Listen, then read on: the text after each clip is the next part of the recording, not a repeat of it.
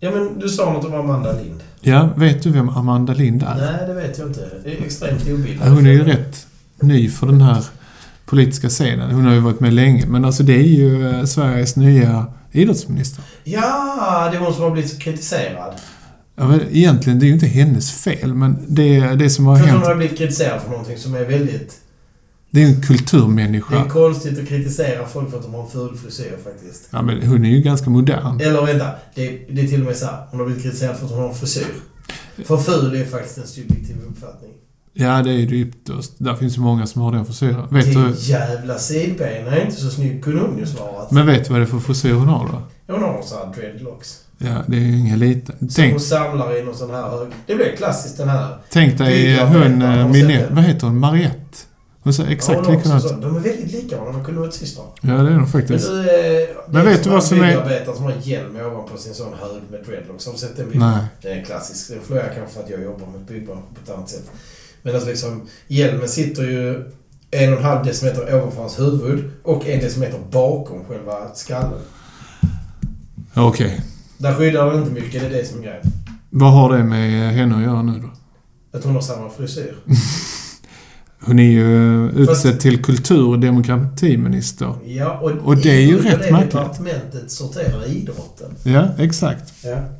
Det ska bli jätteintressant att se vad fasingen det leder till. Om det leder till något bättre. För det är en, en ganska så stor folkrörelse vi pratar om just nu. Som kommer in under ett nytt departement som egentligen hade behövt lägga ännu mer vikt på eh, rörelse och idrott. På grund av Folkhälsan. Exakt. Och vad gör vi idag eh, eh, i skolan till exempel med eh, hälsoprogrammet? Vi minskar det. Ja, men det är ju för att vi... Men alltså så här är också, där är också en sån... Det är också en diskussion om ett motsatsförhållande som inte får lov att vara ett motsatsförhållande.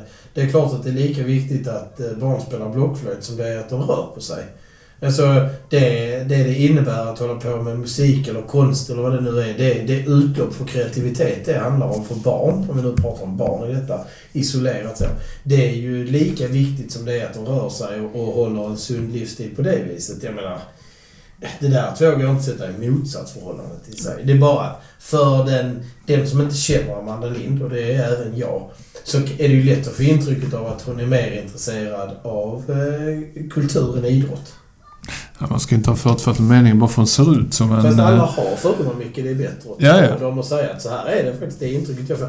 Men hon kanske, fan hon kanske gör milen under 40. Men taken på detta det är ju att man inte skapar eh, ett eh, idrottsministerie exempelvis. Utan Ja. här blandar man då in väldigt många stora block. Alla ska få ta plats. Det är inte det jag menar. Utan det jag menar här nu det är att man faktiskt på något sätt minimaliserar en fråga som är tillsammans med miljön väldigt viktiga. För, för vår eh, fortlevnad. Ja, jag håller med dig. Så det, det, är vi helt överens min spaning som jag satt, satt och läste, detta är ju klart sedan en, en och en halv vecka tillbaka. Och det, jag hade nog hoppats på mer. När det faktiskt eh, helt plötsligt var en, eh, en regeringsbildning här nu och det gick i hamn till slut. Och så gjorde man en liten, en liten halvsatsning kan jag tycka på idrotten. Ja. Ja. Nu- kommer jag vara fördomsfull igen, men får du intrycket att Stefan Löfven är en riktig... Det är en idrottare. Nej, Jag vet inte riktigt. Jag, vet tycker att han är ganska slät. Men... Han är en kultur... Han spelade ju teater för fan i somras. Mitt under valrörelsen så körde han ju amatörteater i Strängnäs. Vänta, vi Det ska kolla upp det till nästa avsnitt. Ja, Det var- Han, han eh, spelade en uh, pjäs i Mellansverige. Du ska kolla recensionen på pjäsen som Ulf Kristersson spelade i somras. Det, du kan ta det till nästa avsnitt. Det där är ett digert arbete. Men eh, nej, jag håller med dig. Jag tycker att det, i politiken kunde idrotten gott få ta en plats därför att idrotten tar en extremt stor plats i vårt samhälle i form av eh, ideellt och föreningsliv då. Eh, senast idag var jag eh, med min dotter på eh, skridskoskola eller skridskohockeyskola vad det nu är. Eh, och hur mycket tid folk lägger och hur många barn där är som är och lär sig åka skridskor på den här skridskoskolan. Det är en eh, jätte, jätteviktig del av det svenska samhället. Och den är också eh, gränsfall unik med, med vårt föreningsliv. Men du, skit i det. Nu, eh, nu leds detta samtalet in på, eh, på lite andra saker. Tyckte du det blev tråkigt nu? Nej, tvärtom. Vi ska bara gå vidare här i agendan. Men jag har en sak till här.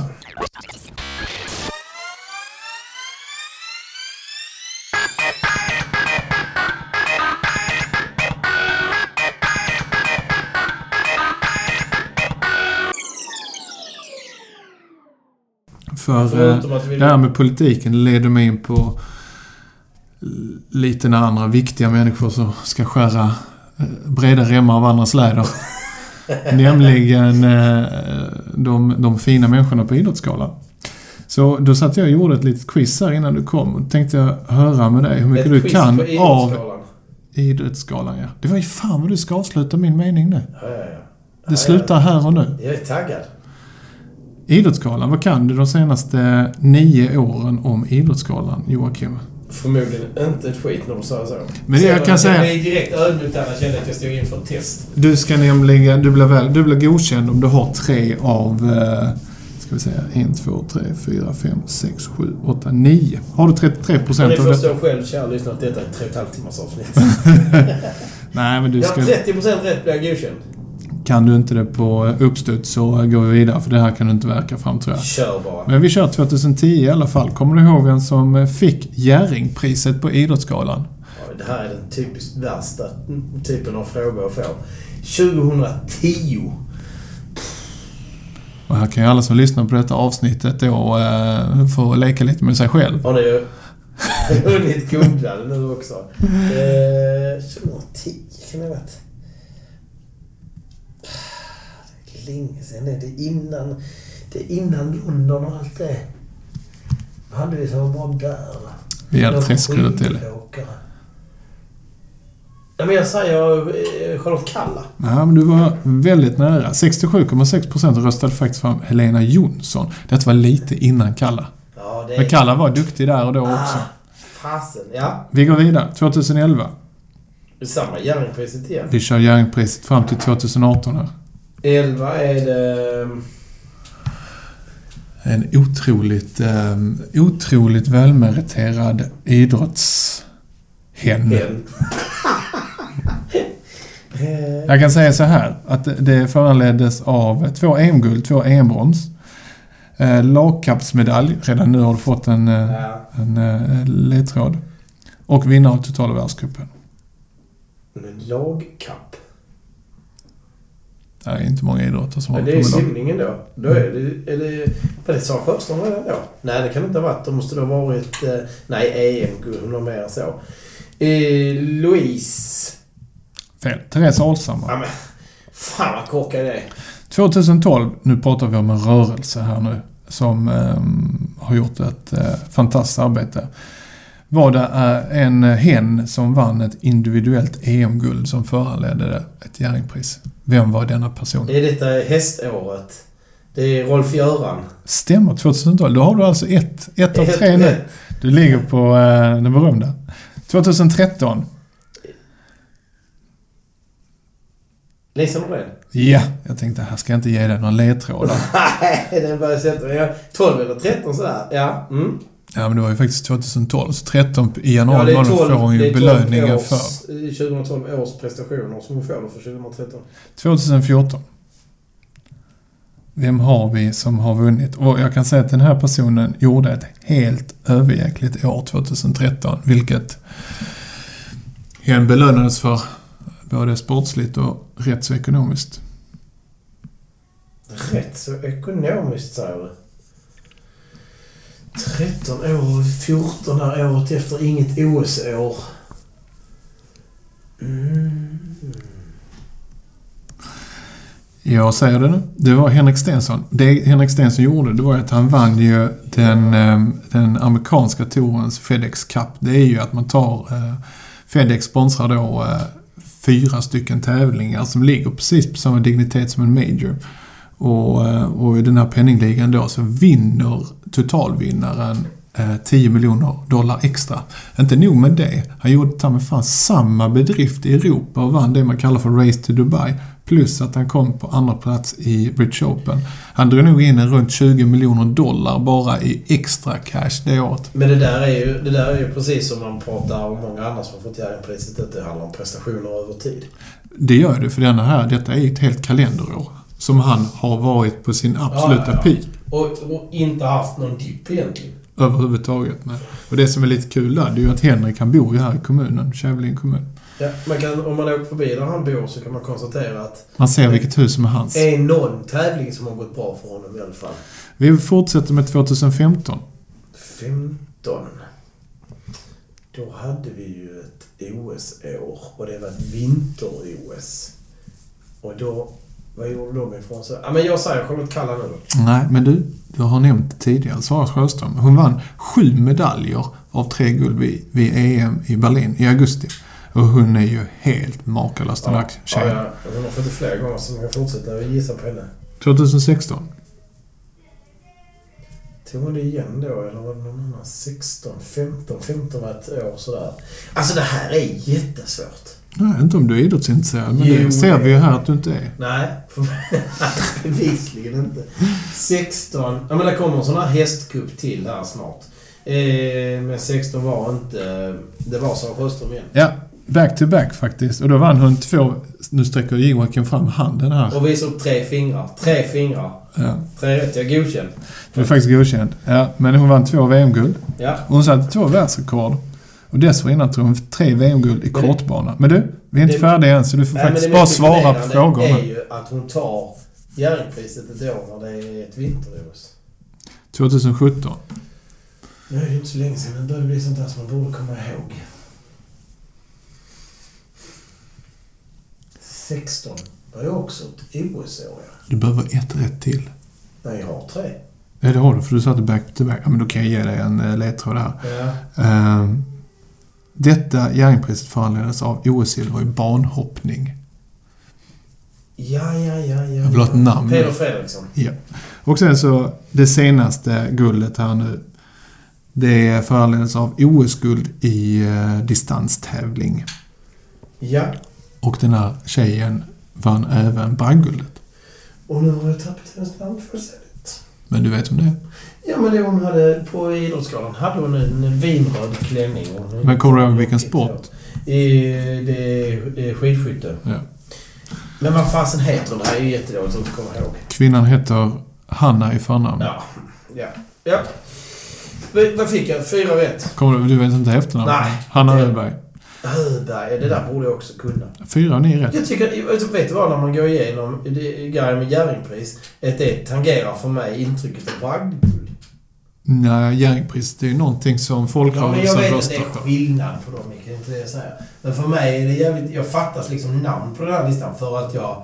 De har tagit bragdguld när någon annan tagit Jerringpriset. Så Det är inte alltid bragdguldet och Jerringpriset dubblerar. Oh nej, absolut inte. Det på den listan, vilka har gjort det? Det är en bra fråga. Det var Lisa Nordin har gjort det och Hanna Öberg har gjort det. Sara Sjöström har gjort det. Och Sara Sjöström har gjort det. Ja, det kan vi skita i för övrigt. Ja, man ska eh, glädjas åt dem som har fått det där. Och eh, vi... eh, Jag fick lite inside om Idrottsgalan nu 2019. Mina svärföräldrar hade varit där nämligen. Och de recenserade Idrottsgalan som privatpersoner och de tyckte det var väldigt häftigt. Ja, det kan jag tänka mig. Det var många som blev runda under fötterna. För det var tydligen tillgång till fri sprit efter, efter tv-sändningen. Ja. Ehm, nej men man ser så här på Instagram och sånt också att det verkar vara en riktigt stor händelse för de som är med där så.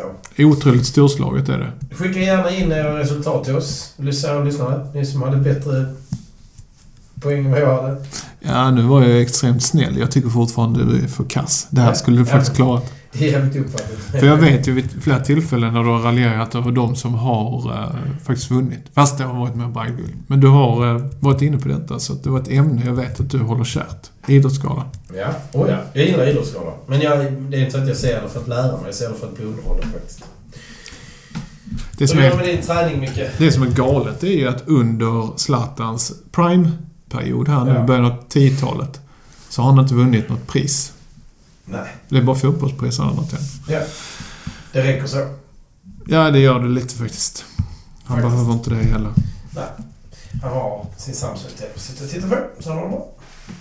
Ja.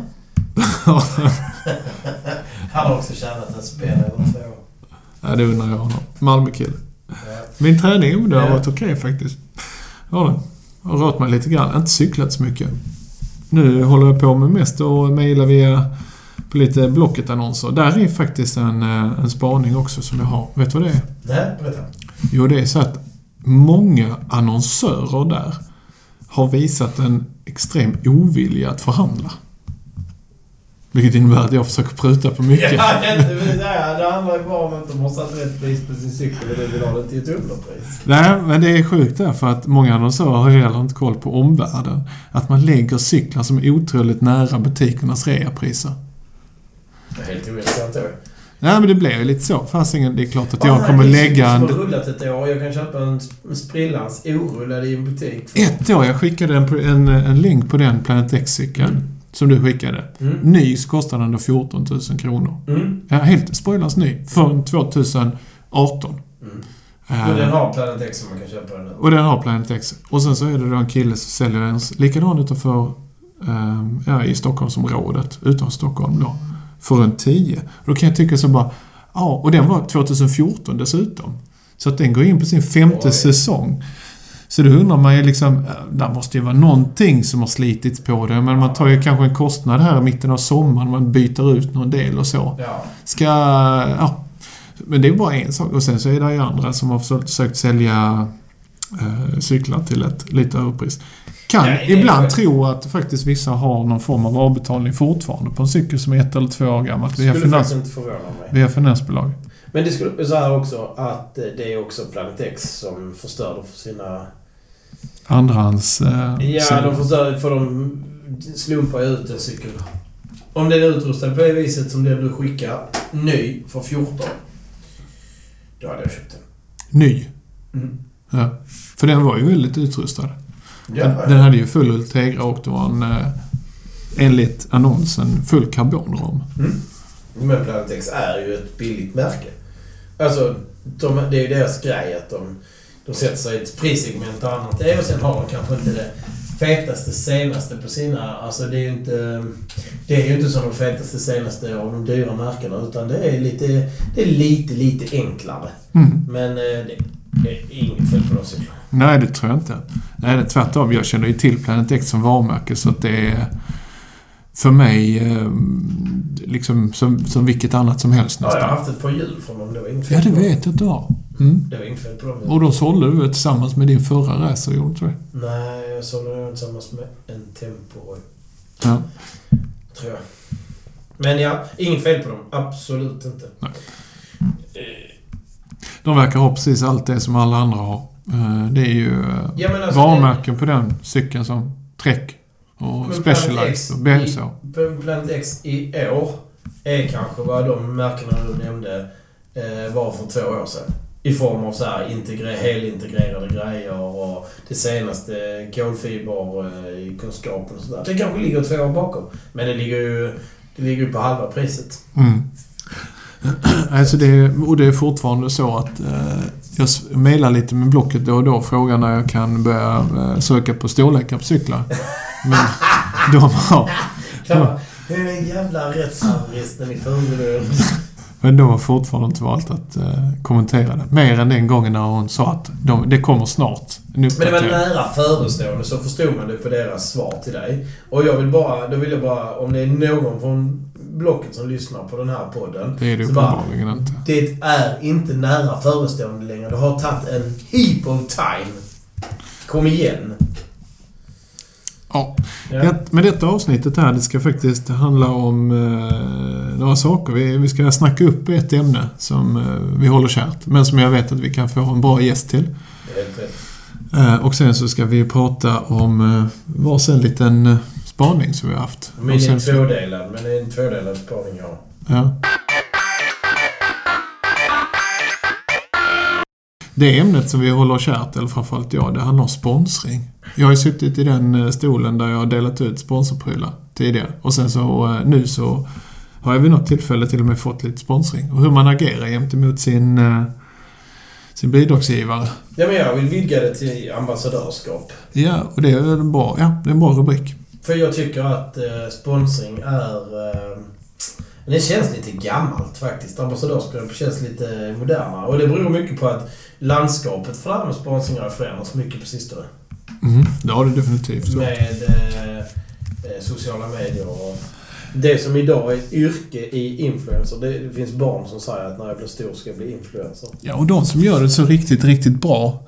Um, precis, de använder ju hela sin makt och um, idag så är det inte, om man tittar på ett varumärke, det är inte intressant att uh, annonsera varken på, i webbannonser eller överhuvudtaget synas i printad media.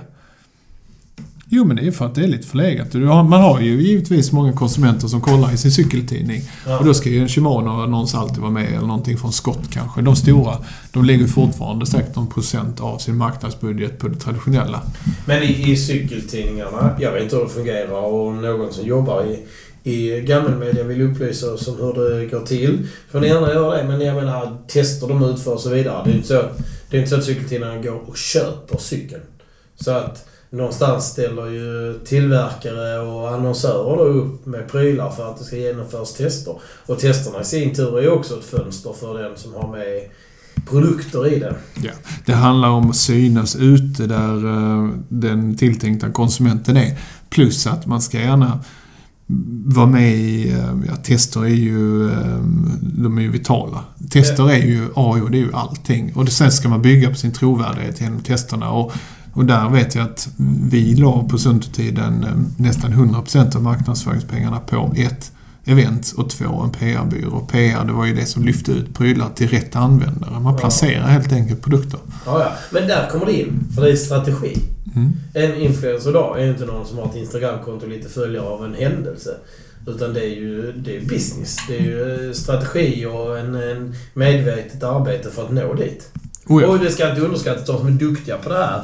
Från eh, Blondinbella till eh, Petra Måström. Jag vet inte vilka man ska ha som... Petra Måström tycker jag är en bra influencer. Eh, de jobbar med det här proffsigt. Det är ett heltidsjobb. Det är inget du sådär höftar fram utan det är, där är arbete bakom det. Oh ja, absolut. Och det är ofta så också att de människorna de sätter ju sitt namn på spel om de... Varje gång om de nu skulle fara med osanning eller eh, säga saker som inte är riktigt sanningsenliga. Vi har ju ett par stycken rikskända, jag ska inte hänga ut någon nu, men som har varit en ren katastrof, tyvärr, för eh, varumärken. Som inte alls, när placeringen har lagts på dem så har det inte alls lyft. Tänk på någon TV-personlighet som har suttit och haft eh, träning eh, i eh, TV4 morgonsoffa varje söndag till exempel.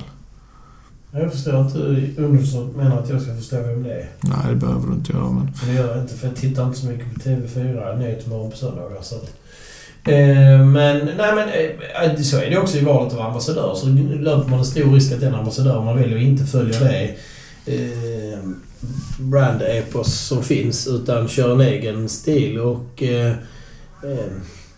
eh Ambassadör finns på olika nivåer. Förstår vad jag menar med detta nu? Det finns de som har... Det här är en tjänst du köper av dem och de gör det och så vidare. Sen finns det, sen finns det andra delar och det är där du eh, ger bort en eh, klocka i, i Sunds. Eller kanske ett par brillor om man är, eh, är Oakley eller vad man nu är. Eller vad det nu är man gör bort. Så här. Och, så, och så blir eh, nöjdheten hos den som har den inte sån. Men eh, tröskeln för att uttala sig om är låg. Så att då blir det uttalanden som är direkt kritiska. Och jag... Är det är bara min känsla så här att om jag, är, om jag är missnöjd med någonting, berätta det för den som kan göra något åt det. Och om jag är nöjd med någonting så berätta det för alla. Ja, det ska man göra. Men man ska ju också, tycker jag som ambassadör, eh, hela tiden eh, föregå med någon form av eh, seriositet eh, inför, under och efter.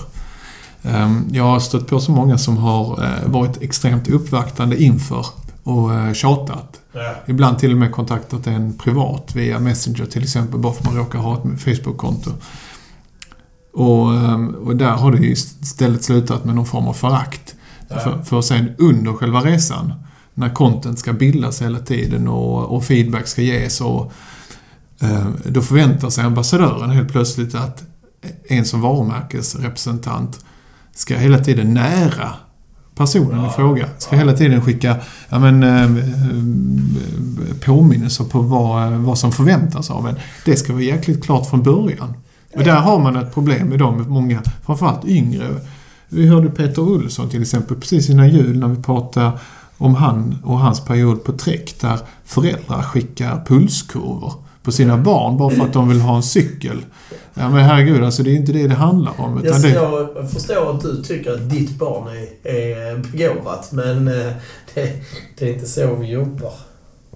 Ja, jag- vet inte, men jag tycker hela den där... Det är också något sånt som har hänt i den här... eh, Den delen av branschen där vi håller till, det vill säga bland motionärer, att alla ska vara sponsrade. Och grejen är också så här, alla vill göra något som är dyrt. Alltså min... Eh, min Ironman-tävling i Italien var ju knappast någon budgetresa. Eh, och det vill man helst inte betala. Alltså lite grann så här. Vill du ha det där får du betala det där. Och vill du ha fina cyklar och cykla på, ja. Då får man kanske eh, punga ut. Eller så måste man ha en lite unik idé eller vara jävligt bra. mm. Framförallt ska man ju se till så att man har eh, ett nätverk. Om man nu är triatlet och väldigt ambitiös med sin, eh, i sin grupp, i sin age group, så kan man ju ha ett nätverk som eh, är ungefär i samma, och, i samma age group eller på samma nivå. Och sen ska man ju bli en förlängd arm ut mot den. Absolut. Och jag tror att eh, om jag hade haft ett... Eh, om jag hade varit, ägt ett märke i... Eh, ett varumärke i eh, kollisionsbranschen, om man så säger. Så är jag inte säker på att min marknadsföringspeng, ja, den hade jag delat upp i två. Dels är det att man sponsrar Elit. Eh, alltså där cykelmärkena går in i World Tour-lagen och eh, sponsrar en världsmästare. Men det där är ju mer ett samarbete som kanske ska rendera i att man utvecklar produkterna eller tar, tar sig någon annanstans. Men marknadsföringsbiten eller det här att nå ut till den breda slutkunden. Ja, det kanske är någon som har ett eh, jävligt bra content i sociala medier eller ett nätverk man vill komma åt. Men de, de du pratar om som cyklar på, för, eh, eller på, på proffstouren, de är ju heltidsanställda. De, kan vi nästan, de exkluderar vi från ett Och det är inte ett ambassadörskap. ambassadörskap. Nej, det är det inte. Utan ett ambassadörskap, det är ju det vi ser idag. Människor som, eh, som, som söker eh, fria produkter helt enkelt. För att de behöver det i sitt utövande eller att de vill att det ska tillhöra själva eh, grunduppsättningen. Cykel, eh, kläder, skor, hjälm och så vidare. Kan du ge mig något exempel på en, eh, en riktigt bra sån person? Ja, det kan jag. Jag hade att göra med en man, kan kalla honom för Christian, eller han heter ju faktiskt Christian. Kommer, kommer från, eh, från Eksjö. Den här herr Eriksson, han drev ju ett, eh, ett, ett multisportteam faktiskt. Eh, och det är ju nu är det lite roligt här för att jag... Du brukar inte tycka att multisport är Nej. en fantastisk ambassadör. Jag tycker att multisportare och längdskidåkare, de är en klass för sig själv när det kommer till den andra sidan av spektrat. längdskicka och skidåkare också åka med på den nu? Ja, men det är sådana som skickar pulskurvor istället för eh, att skicka något vettigt. Okej. Ja. Men i alla fall, Christian drev ju ett, eh, ett, ett uh, multisportteam som håller på med eh, bland annat eh, tävlingar som pågick i flera dagar sträck. Och han är en gammal militär. Han var extremt tydlig med vad de kunde erbjuda för någonting och detta var ju bara en ytterst lokal nivå. Men det blev ändå så pass bra så att det blir ju en... eh, Det, det blir en ambassadör för varumärket och han ställde upp på, eh, på allt möjligt. Om det så var eh, hur man instruerar en orienterare, hur de tar och läser en karta på bästa sätt. Men hade alltid liksom själva varumärket, då var det sunt och i, I centrum. i centrum och i, i, i första hand. Ja. Alltså det var riktigt bra. Vi betalade lite för det där men eh, i det stora hela så lönade det sig många gånger om. Och Men det du, hade honom till event, du hade honom till... från 2012 till dags datum vet jag för mina min efterträdare har ju eh, fortsatt med det vill jag minnas. Vilket eh, multisportlag kör? Ja, nu är det ju... Det, det hette Team Egar på den tiden. Jag tror att de heter Team Out North nu faktiskt. Okej. Och jag tror att han är med. Men jag har inte haft kontakt med honom på ett par år. Men eh, det var det absolut bästa samarbetet jag har haft med någon människa. Så otroligt ödmjuk och hela tiden proaktiv. Och inför någonting så och en lansering eller vad som, så kunde man höra av sig till honom med en idé och sen så utvecklade han själv den vad de skulle kunna putta in för engagemang. Det är det sanna ambassadörskapet. Och sen hade jag också med en kille som heter eh, Patrik Nilsson, som är triatlet, som är Sveriges snabbaste Ironman-deltagare. En av världens snabbaste någonsin. Han måste vara typ topp fem i alla fall, om inte topp tre på eh, Ironman-tid någonsin. Han är en, eh, också ett lysande exempel. Väldigt ödmjuk trots sin storhet. Och han anv- använder vi till lite PR-grejer och föreläsningar. Väldigt ung person, men eh, mogen för sin ålder. Ja, men Patrik gillar det mycket. Jag har hört honom ett par gånger. Han var också en av dem som läste avtalet vi skrev tillsammans. Eh, och visste hela tiden var, eh, vad som gällde. Eh, och satte sig aldrig i de här situationerna. Så många gånger fick man ett samtal eh, där hen ville ha mer. Och så när man utvärderade det som hade gått så helt plötsligt så hade hen haft på sig varumärken som inte var förenade med, med vårt varumärke. Jag tror att vår gäst som eh, vi ska bjuda in till denna podden eh, kommer ha jättemånga sådana roliga historier. Jag håller med. Men det, det är ju... Jag menar, du kan inte... Om du sponsrar oss ut så kan du inte lägga ut en bild på Instagram där man ser att du kör med en Garmin-dator. Nej, och det var inte det värsta utan det fanns ju andra... det, det fanns ju andra historier om människor som sökte um, sponsorskap när det fanns ett skrivet avtal. Eh, bara för att liksom få ihop 5000 kronor till en tävling i, eh, på Nya Zeeland eller dra över till USA. Jo, men det är sant. Men det är så här, det är... Jag vet inte vad jag ska kalla det. Det är fria själar. De har liksom... Förstår du? bara, De har liksom bara tappat bort det faktum att eh, människor runt omkring gör saker med planering och struktur. Ja, och sen många gånger så har ju människorna också haft eh, välbetalda jobb och så eh, liksom varit duktiga näringslivsmänniskor. Mm. Och så, då har jag ingen acceptans för att man tabbar bort sig på sådana här enkla saker. Nej, Nej det, det låter orimligt på något vis. Ja, det är dumt. Slarvigt. Men... Eh, nej, det finns nog många dåliga exempel på, eh, på ambassadörer också, tänker jag. Men du, Men också du, bra. du var ju en bra ambassadör. Ja. Ja, det kan man ju säga. ja. Du har ju, du har ju faktiskt också varit ambassadör för eh, dels för mig och varumärket. Mm. Och då eh, gick det ju väldigt lätt att jobba tillsammans. Även om det var på en ytterst amatörnivå. Ja, men jag, och där kan jag känna lite grann som... Eh, det är jag som person. Jag hade väldigt svårt, jag hade haft väldigt svårt för att samarbeta med någonting som jag inte gillar. Eh, lite Bengt Baron-style där, att han har alltid gillat eh, med alltså liksom varumärkena eller företagen han har jobbat för. Han har alltid velat att det ska gå bra för dem efteråt. Eh, och jag hade inte... Jag hade haft jättesvårt för att jobba för eh, någon som ambassadör om jag inte tror på det jag gör. Ja, men Bengt Baron, det du är inne på, du kan ju faktiskt säga precis som det att i en sommarprat så nämnde ju han att han kommer aldrig äta någon annan fisk ifrån fiskkylen om det inte kommer från Frionor. Nej. Han dricker inget annat spritvarumärke om det inte är Absolut. Ja. Eh, Och han drar ju det där till sin spets lite för att han har svårt att stå för någonting annat. Och det är hans baby, så det är likadant i mitt fall att jag kommer alltid bära de varumärkena jag har arbetat med på grund av att eh, jag har sökt mig dit själv. Och jag kan inte sitta och bära någonting annat för då skulle jag nog betraktas som en lögnare och det vill jag inte. Men ja, ja, och i mitt fall som är, man är lite känslomänniska, man är lite... Jag är lite svartvit är jag. Så gråskalan är väl inte alltid den jag lever på. Och då blir det också så att det är antingen bra eller dåligt. Och jag, står, jag, kan inte stå, jag kan inte stå och sälja eller prata för eller promota någonting som jag... Ah.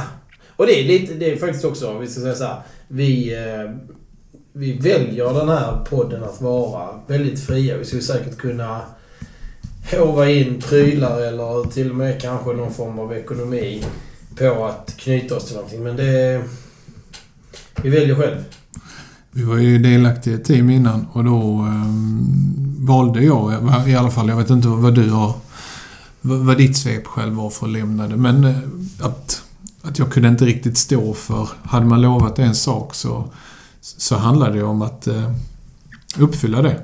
Om det var cyklingar eller eh, gemensamma aktiviteter. Men jag hade inte tiden till det så det är därför så... Nej men jag, Ta ett steg tillbaka. ambassadörskap för mig går, goes both ways. Och, eh, ehm, om jag ställer upp och då förväntar jag mig att man får någonting tillbaka. Men, eh, det var jag tydlig med när jag lämnade, eller när vi inte gick vidare med teamet att eh, jag vill göra mer utav det man gör än vad det blev utav det. Och det, det ligger inte på, på en sida, det ligger på två sidor.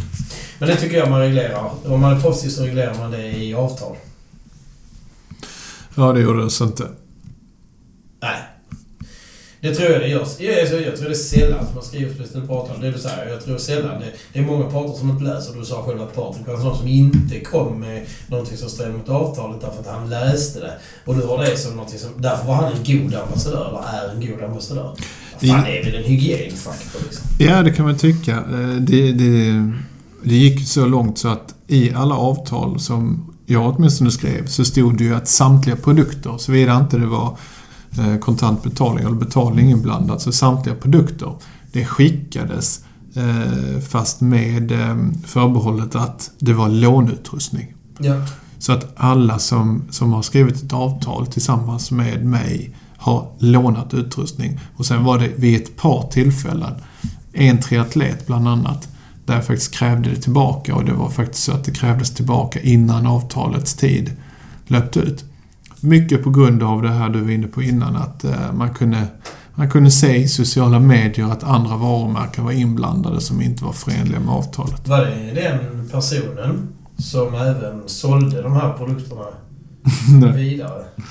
Men det var, vi kan väl kalla det ett multisporterbeteende. Alla multisportare bara så avföljer direkt bara. Eh, Micke har haft dåliga upplevelser med multisportare. Jag tror inte multisportare är sämre än några andra. Det finns nog ruttna ägg i varje ja, äggkartong. det finns några triatleter också som är på den shitlistan. Ja, och så var det skidåkare. Och skidåkare. Ja. ja, jag tror det. Vi kan ju fortsätta alla vinnare räkna upp sporter som inte har idel det är bra ambassadörer. Och sen är det också bara bra... Jag såg faktiskt en jätterolig... Jag har promotat den här serien för. Den heter Boundless och finns på TV4 Play. Det är kanadicker som åker runt och deltar i eh, tuffa tävlingar av olika typer. De gör multisporttävlingar också. Men jag såg att de gjorde eh, Ö till Ö. Mm. Ja, den är tuff. Ja, det kan man säga. Och det som är roligt med de här är att jag har liksom haft känslan av att de säger att det är världens tuffaste tävling och så har man inte varit där själv. Och så det är världens tuffaste. Hela tiden är det världens tuffaste. Och fy fasen vad tufft det är. Men jag fick ändå känslan av att det fanns ett liten ingrediens av marshmallow i de här pojkarna. Eh, de var inte så jävla hårda liksom. Eh, Och framförallt dåligt förberedda. Så kommer de till Ö och när de utökat till den här säsongen som jag såg nu. Då kommer de till Ö. Nu är de fyra personer i det här teamet. Så en ung kille, eh, Hunter. Sen så är det då de här två som var med innan, Simon och, och Turbo. Och sen har de då en tjej, Rory. Som... eh, Och Rory, hon är ju lite... Hon har ju vunnit UMTB, men vad heter det? Ultramaraton de LeBlanc. Le, Le, LeBlanc. Ja, du vet vilka jag menar. Ja. Ultra trail marathon. Nere i Chamonix. Precis. Det är som eh, Emily Forsberg som har vunnit. Kilian Jornet. Har också vunnit det. Flera Eh. I vilket fall som helst. De ska köra eh, Ö till Ö då. Och hon är så... eh, De, jag kan spoila lite.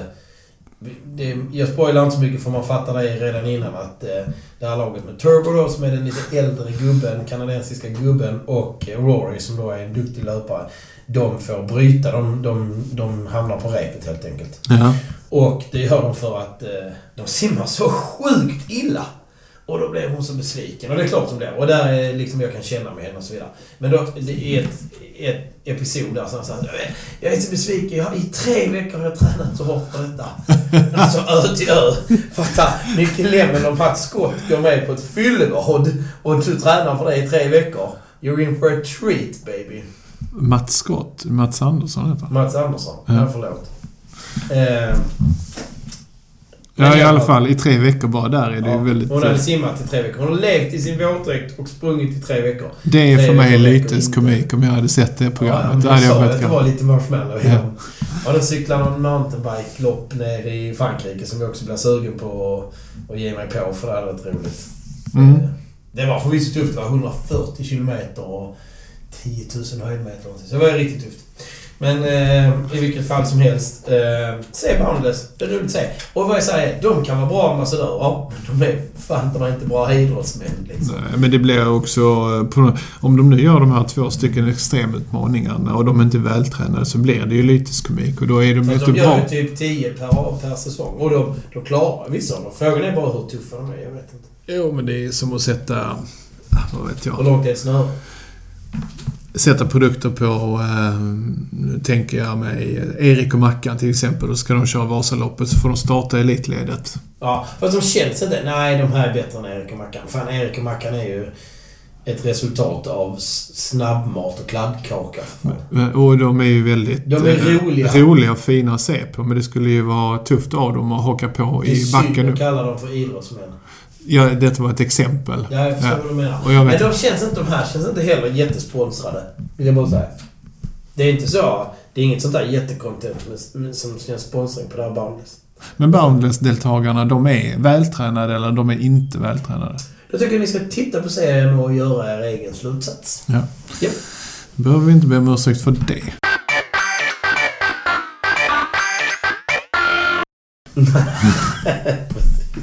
Men du Micke, hade du något mer att spanat på i, till idag?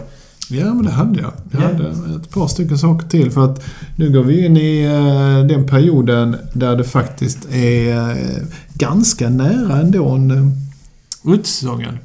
Jag ser mig att vi kommer cykla en hel del i mitten av mars, slutet av mars kanske. Om inte snön Du tänker lägger sig som ett täcke.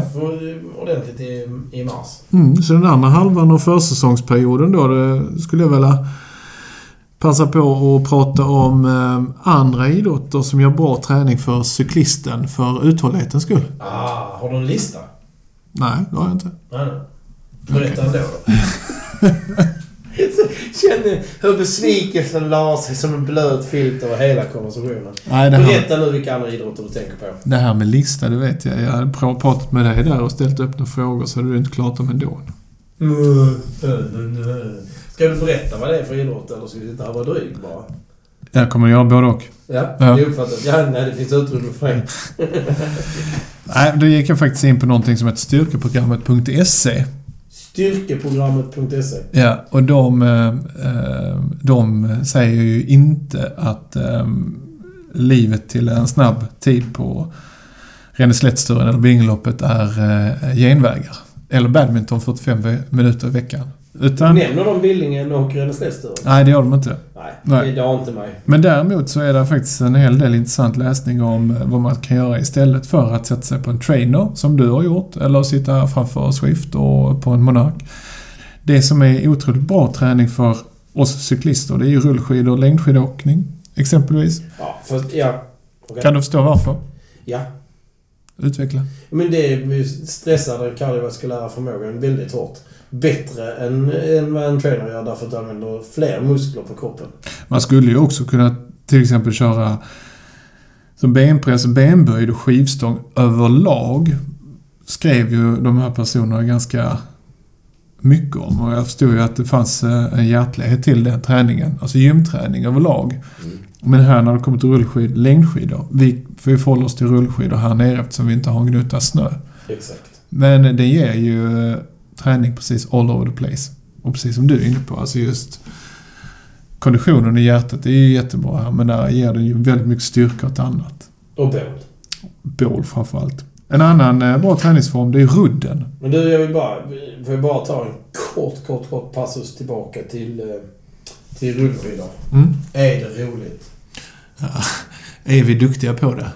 Är det roligt? Om vi är duktiga på det, ja. Nej. Jo. Rullskidor. Jag har i och för sig aldrig varit duktig på det, så då frågar man något jag absolut inte vet. Rullskidor är... Åka skidor förstår du.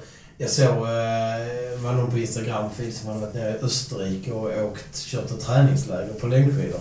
Och sen så in i skogen gick det, det var kuperat upp och ner och svängde lite grann. Ah, men det är ju propaganda liksom.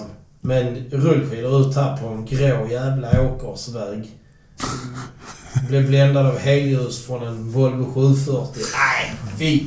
Det är skit det är det faktiskt. Nej. Det är en rolig period vi har framför oss nu. Just de här eh, Vasaloppsåkarna som är någonstans mellan 40 och 50 år som har gjort ett val på fyllan och sen så nu ska de helt plötsligt ut och träna. Och nu, Nu! nu i februari sitter de så jävla hårt i skiten och måste ut och åka ofantliga mängder rullskidor för att ens ta sig mellan Sälen och Mora.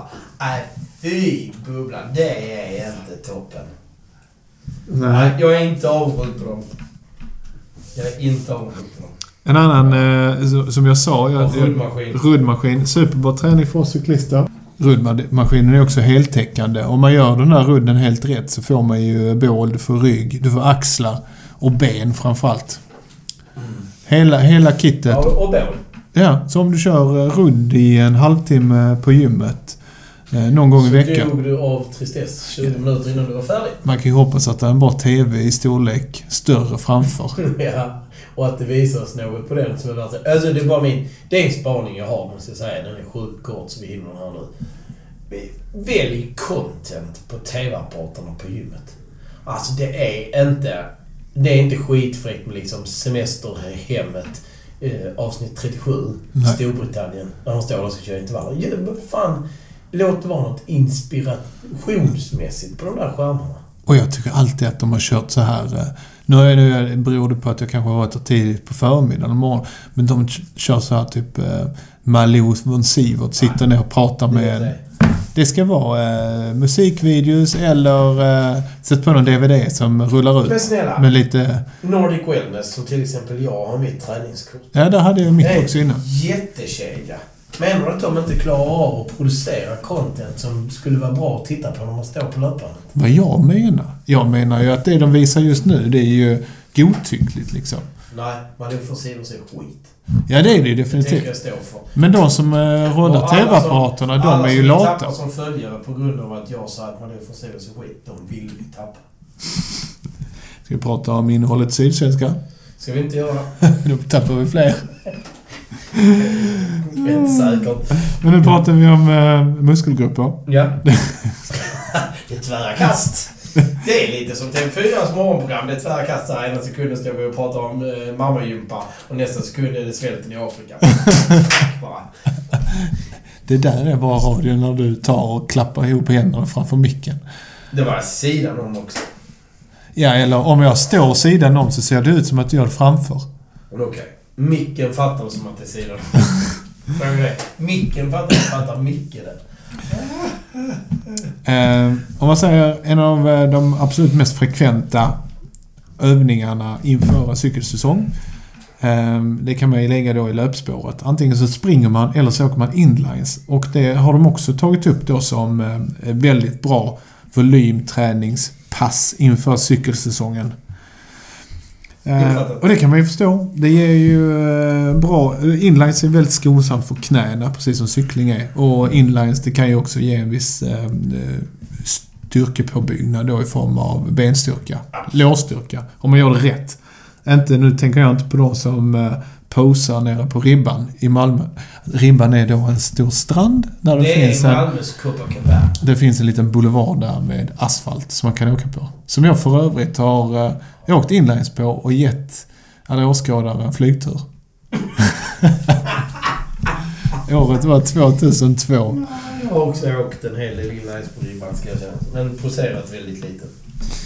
Ja, sen har de eh, tagit upp en backgång uppför en skidbacke eller brant backe. Ja, ja, ja. Med stavar.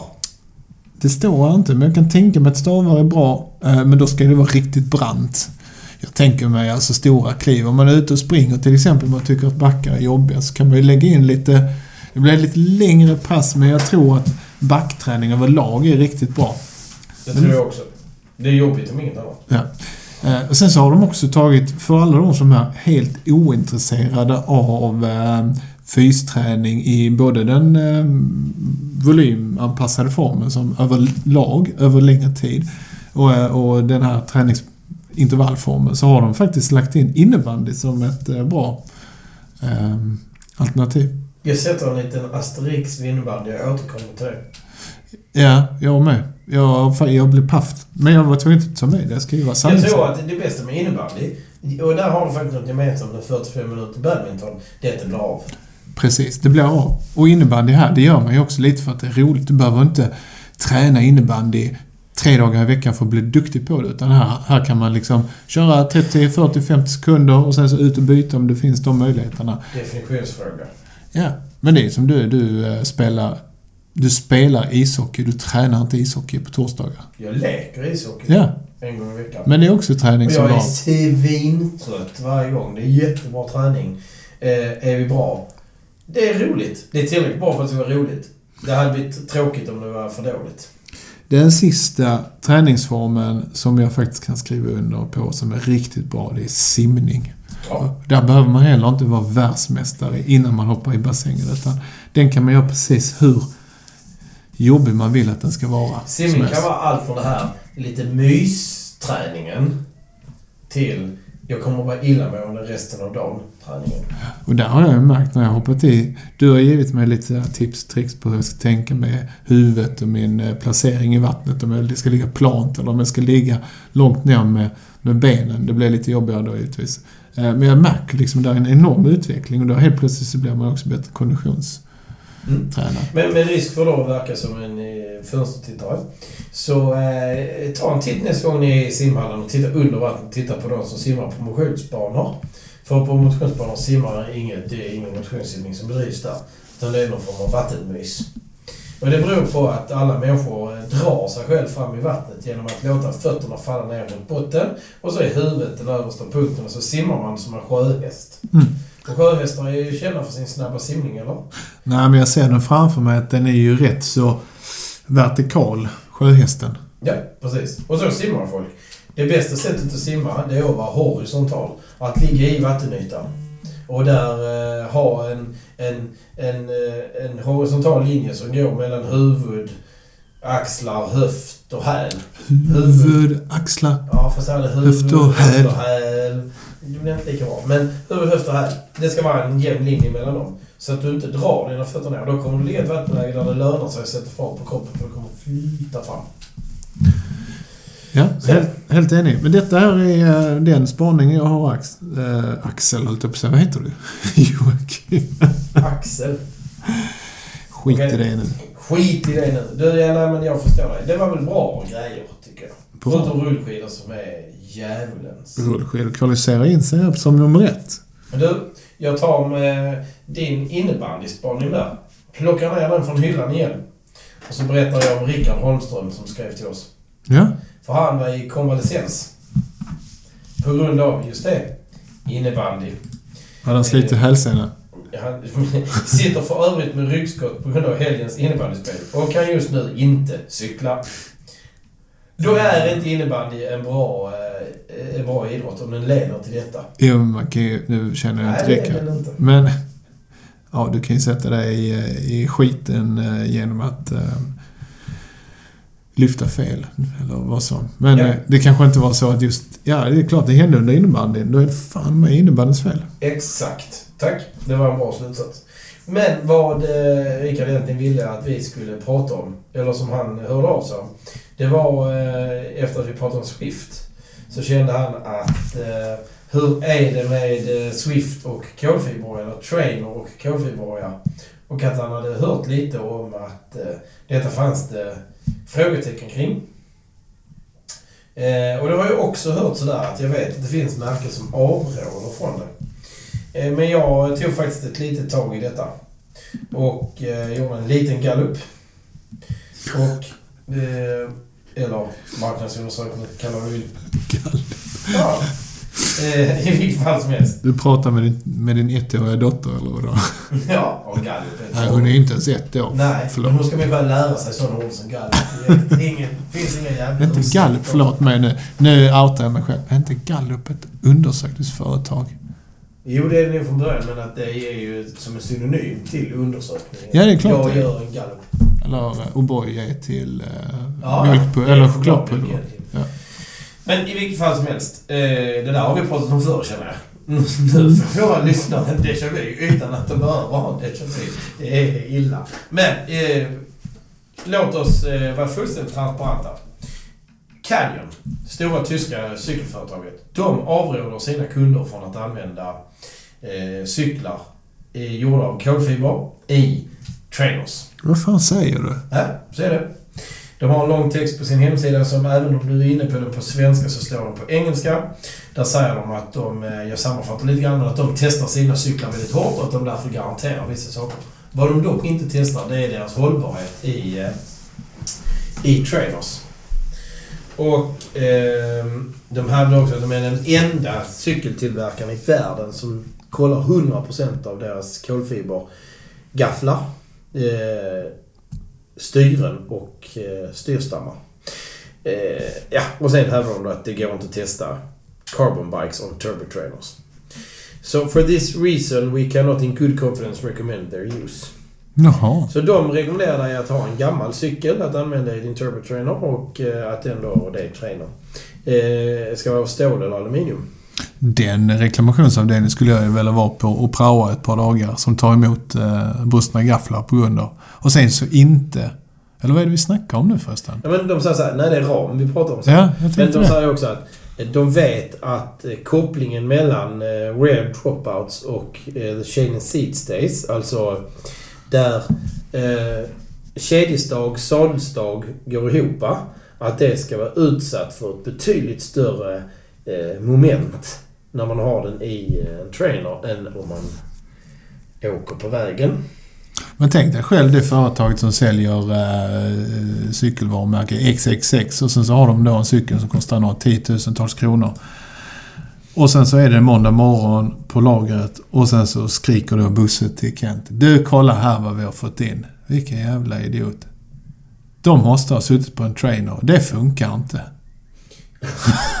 Vi kan inte hålla på med sådana trajs. Nej, den, den, den reklamationen godkänner vi inte.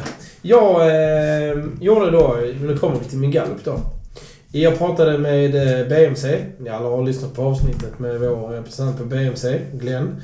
Eh, och frågade honom hur ser BMC på detta och kollade deras hemsida vad det står om garantier. De nämner ingenting om trainer. Och eh, Glenn försäkrar också, kör hur mycket du vill med din BMC i en trainer. Det kommer aldrig vara någonting som eh, ifrågasätter garantin. Vi fattar liksom att de som har våra cyklar, de vill också använda din trainer. Eh, och vad gäller BMC har jag själv haft en BMC-cykel som olyckligtvis gick sönder. Jag kan säga att trots att den var förbi den tid som man normalt sett kan räkna med garanti fick jag en ny ram. Och det har inte med landsväg att göra för det var ju faktiskt en jättefin eh, En mountainbike. Men Ja. det, det, är kvitt, det är ju det är ju en garantipolicy från, från firman känner jag sådär. Ja. BMC säger jag, inga problem. Nej, där var jag också väldigt imponerad av den, eh, det tillhandahållandet. Ja. Jag pratade även med eh, kontakter på Trek. Som eh, menade att det har i deras medvetande aldrig kommit in en cykel som har gått sönder i en trainer. Nej, Nej, jag har ju svårt att se hur man har ju sönder alltså på Trek Sverige aldrig hanterats en cykel som är trasig till följd av användning i, i eh, trainer. Och de krafterna som en cykel utsätts för cyklandes ute, och då kan vi även inkludera mountainbikes, är större och betydligt mer besvärande än vad de är i en trainer. Nu har jag aldrig monterat upp en cykel på en trainer, men finns det något moment som man äventyrar materialet? Nej men alltså, det skulle vara så här, om du sätter fast den felaktigt i en trainer så skulle den kunna ramla ur. Mm. Det skulle kunna ha sönder den. Ehm, men alltså liksom själva... Nej. Jag gjorde även en sån här. Specialized har väldigt mycket information om sig själva på sin hemsida. Så jag läste på om deras eh, eh, garanti också. Och de nämner ingenting om trainer. Eh, det står ingenting uttryckligen om trainer, men de är rätt så tydliga i början av sin eh, garantibeskrivning att deras garanti täcker allt. Ja, ja, men det är väl bra. Då är det Det är egentligen bara Canyon. men det är jävligt tydligt. De säger i och för sig också, och det läste jag någon annanstans också. Jag tror både Canyon och någon annan hade samma text också. Att de, de pratar om en ursprunglig ägare får lifetime warranty. Och är du den andra eller senare så får du två års garanti från inköpsdatum. Så det, det skriver de eh, på sin hemsida då. Ja. Specialized. Japp. Men lifetime warranty vet vi alla att det är inte din livstid utan det är cykelns livstid vi pratar om. Precis, självklart. Eh, Men så eh, till Rickards fråga. Kolfiberhoj i trainer. Alltså jag ska lägga en länk till Santa Cruz som är en mountainbike-tillverkare. Och deras försök att förstöra, eller de lyckas ju till slut också. De förstör kolfiberramar och de gör det i jämförelse med aluminiumramar. Titta på den. Nej, den har jag sett. Den är väldigt Det det är- cool. Den, Absolut ingen risk skulle jag säga att förstöra sin cykel i en trainer. Inte ens om du står upp och sprintar. Alltså, liksom... Det kommer inte knäckas på mitten av de krafterna som cyklister har. Det, det, då ska du vara liksom... Vi pratar Robert Försteman och Chris Hoy och sådana som kanske kan prångla ut 3000 watt. Men i övrigt, glöm det. Vi pratade om det när du och jag skaffade vår första kolfiberhojar. Eh, och eh, vi eh, försäkrade dem också. Det är Mm. ju eh, kanske inte helt onödigt för det kan ju hända saker ändå. Det var det. I retroperspektiv var det helt onödigt. Ja. Ja. Det hände ju i sig en sak med din cykel men det hade ju inte med, med en skada att göra. Nej. Och då skötte BMC det klanderfritt och helt perfekt. Jag fick bara en ny ram helt enkelt. No questions asked. Och jag har... Eh, jag fått tillbaka den ramen som gick sönder. De har gjort den obrukbar. Och jag har testat att slå sönder den här kolfibern. Och till er som har kolfibercyklar. Det går ta mig fan inte. Alltså det är så otroligt hållbart kolfiber. Så till dig Rickard. Sätt upp din My cykel. I Inget both kommer hända. Vad har du hittat? Förlåt. Jag eh, kollar alltså på eh, Carbon vs Aluminum Frames, which is stronger. Eh, Och detta sökte jag då genom Santa Cruz Carbon Test. Ja, men det jag ska lägga ut en länk till den. Så ska ni få se. Det håller.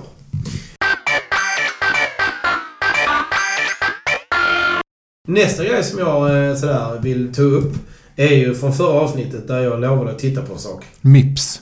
Just det, POC och MIPS. Och då kan man säga, om vi börjar på POC. Så har de ju släppt modellen som heter Ventral.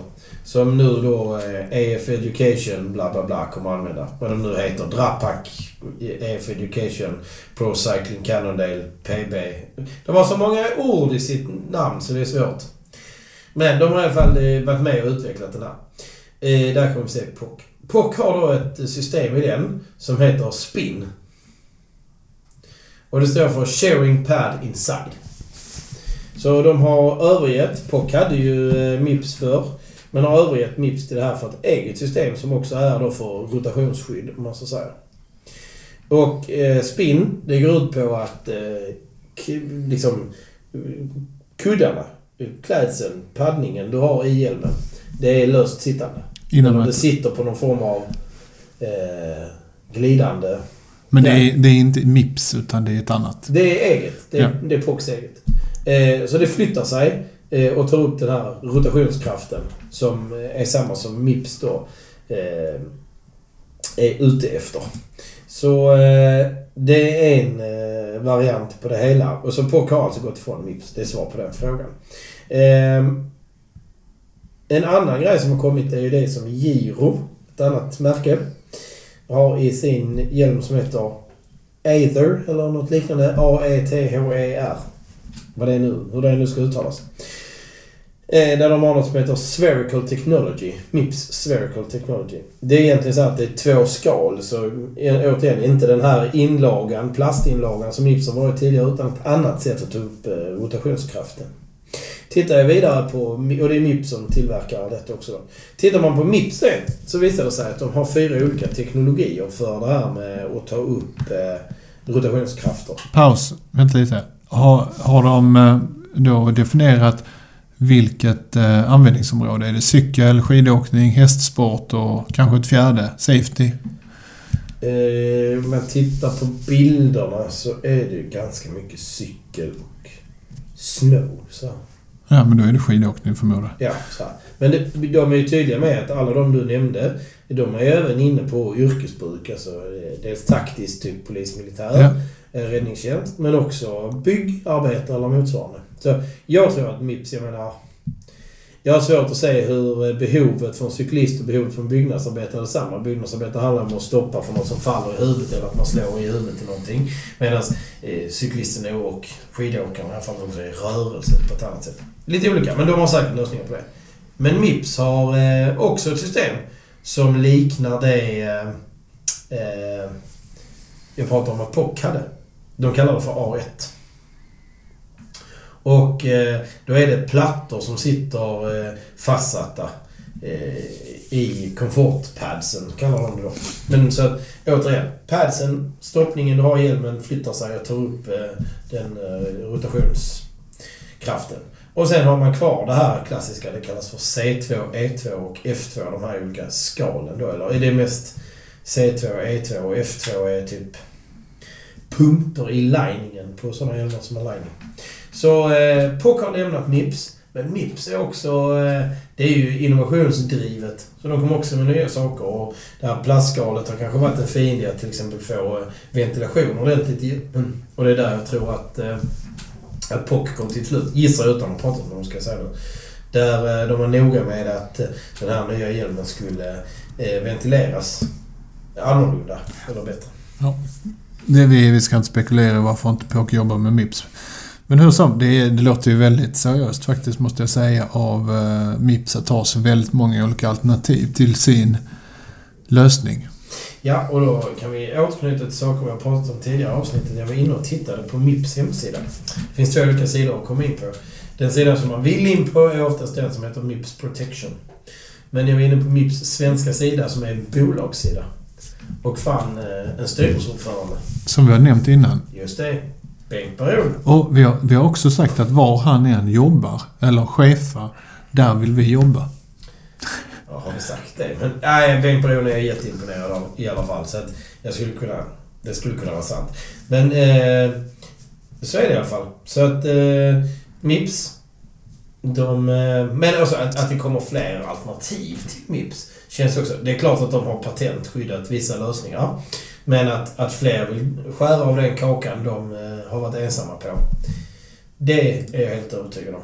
Ja. Men de eh, har ju satt en standard i alla fall. Det är de som många företag följer, skulle jag tro. Ja, ja, ja. Om man inte kan göra det själv lika bra så följer man ju dem. Ja. Men eh, då sammanfattar vi dagens avsnitt med eh, att eh, det finns inget idrottsministerium i Sverige. Nej, det är ju ett kulturcentrum de ska basa över. Så skickar de in idrotten in under det paraplyet. Som en liten slask. Ja, precis. Fast å andra sidan, man får låta... ehm, den här tjejen som jag inte kommer ihåg namnet på. Ja, Detta är nästan lite pinsamt. Amanda Lind. Vi är, så, vi är så sjukt starka i det här Ja. att eh, vi inte kommer ihåg. Så den Amanda Lind. frisyren. Så. Amanda Lind Ja, miljöpartist är hon. Var det viktigt? Eh, vi låter henne sköta sitt kultur och demokratis, eh, demokratiministerie. Och så, så kan vi väl döma sen. Ändå sjukt att idrott är under demokrati. För idrott är ju verkligen ingen demokrati. Uh, jo, det är Nej. det. Jo, föreningar är väl högst uh, Senast, demokratiska. senast igår var det ingen demokrati. För då hade Malmö slagit Brynäs. Ja, men. Och de var mycket bättre. Nej, men eh, nu är du inne på en helt annan sak. Du är, du är inne på resultat. Det är, jag sitter med i en, en styrelse och det är ju demokrati. Det är väldigt mycket demokrati, herregud. Vi kommer ju aldrig framåt. Jag önskar ibland att det var en diktatur. det händer lite mer när det är lite diktatur. Kolla på Venezuela som är på väg. Kolla på Nordkorea. Han hade aldrig tillåtit det som hände här i hundra dagar. Nej, Ja. det kan vi vara överens om. Undrar vad det har kostat förresten. Det, Det vet Amanda Lind. Sen har vi pratat om Idrottsgalan och där fick du ju faktiskt 33 procent. Du hade ju Ja, rätt på... Vilket du lät vara godkänt. Normalt sett brukar man behöva komma upp i 50. Men jag är tacksam för de här lätta kraven. Ja, men Det är Idrottsgalan en del av eh, elevsamhället, Micke. Och Jerringpriset, vem som har vunnit det de senaste tio åren. Det är inte skitlätt. Prova Nej. ni alla som har lyssnat här nu och sett upp den frågesporten. Ja, den var jävligt svår faktiskt. Men jag sa också, det är det värsta. De kan ändå få så här årtal och sånt. Det är fem stycken som har fått eh, Jerringpriset. Det är lättare än att säga vilket år vem vann det. Ja, absolut. Men eh, ja, där ser man ju att eh, de här frågorna, trots att de är så heta för stunden och man, man följer ju alla de här idrottshennarna. Och, men lägger aldrig det på minnet, för det kommer nya vinster. Idrottshänderna. Ja, men vi ska vara lite skitnödiga. Åh, det var skitnödigt. In, ja, okej. Men vi släpper det där känner jag. bara. Ja, åh, ja. Vi, och sen så pratar vi om att eh, om du vill bli en bättre cyklist så ska du eh, åka rullskidor och eh, ruddmaskin. Det funkar också med innebandy. Och 45 minuter badminton. Nej, badminton är inte med. nej, nej, badminton är, det är historiskt för hälsenan. En av mina bästa kompisar eh, är gammal badmintonproffs kan vi kalla honom. Tror du han lyssnar? Nej. Nej. Nej, det är synd. Vi skulle gärna vilja ha hans åsikt om hur pass bra badminton är som. Ja, jag tror inte det är dåligt. Nej, det tror inte jag heller. Om man är duktig på det så kommer man nog kunna träna upp sig. Absolut. Det där handlar om hur bra man är på det. Det är lite som hockeyn igen. Mm. Eh, vi pratade också om Rickards fråga om att använda sin kolfiberram på en trainer och det tyckte vi väl så här sammanfattningsvis att det kan man absolut göra. Och att eh, jag är imponerad av Canyon i mycket men här tycker jag faktiskt att de känns lite... Jag vet inte vad det är de är så rädda för. Något är det. Och POC och MIPS avhandlades också som utlovat. Då tackar jag så mycket. Nu blir det några veckor tills nästa inspelning, skulle jag tro. Ja, säger du det. Ja, men vi har mycket på gång här. Eh, I kulisserna händer det mycket och det kommer komma fler intressanta intervjuer på vägen också. Vi har ett par människor som är eh, än så länge mjukt inbokade. Men som kommer bli hårt inbokade. Vi ska inte glömma att vi faktiskt har... Nu har vi eh, eh, presenterat ett ämne som vi kommer att ta och behandla. Det är ju ambassadörskapet och Ja. sponsring. Absolut. Så att vi kommer ha ett ytterst dynamiskt samtal här med någon av gästerna som håller på med sponsring. Ja, Och där kan kan jag- Kan jag också... som kommer komma upp i de andra gästernas samtal också kan jag tänka mig. Ja, ja, definitivt ja. Ja. Och ehm, där kommer säkert komma några riktigt sköna historier. Ja, det ser jag fram emot. Eh, så att eh, om det blir lite väntan ha, försmäkta inte utan ha förtröstan. Det är ju Pippi som har lärt mig försmäkta. Vi försmäktar på den här. Utan snus försmäktar vi på den här. Pippi bra. Ja. Vi, vi låter Pippi avsluta då. Ja, och hej då. Killevippen, nej.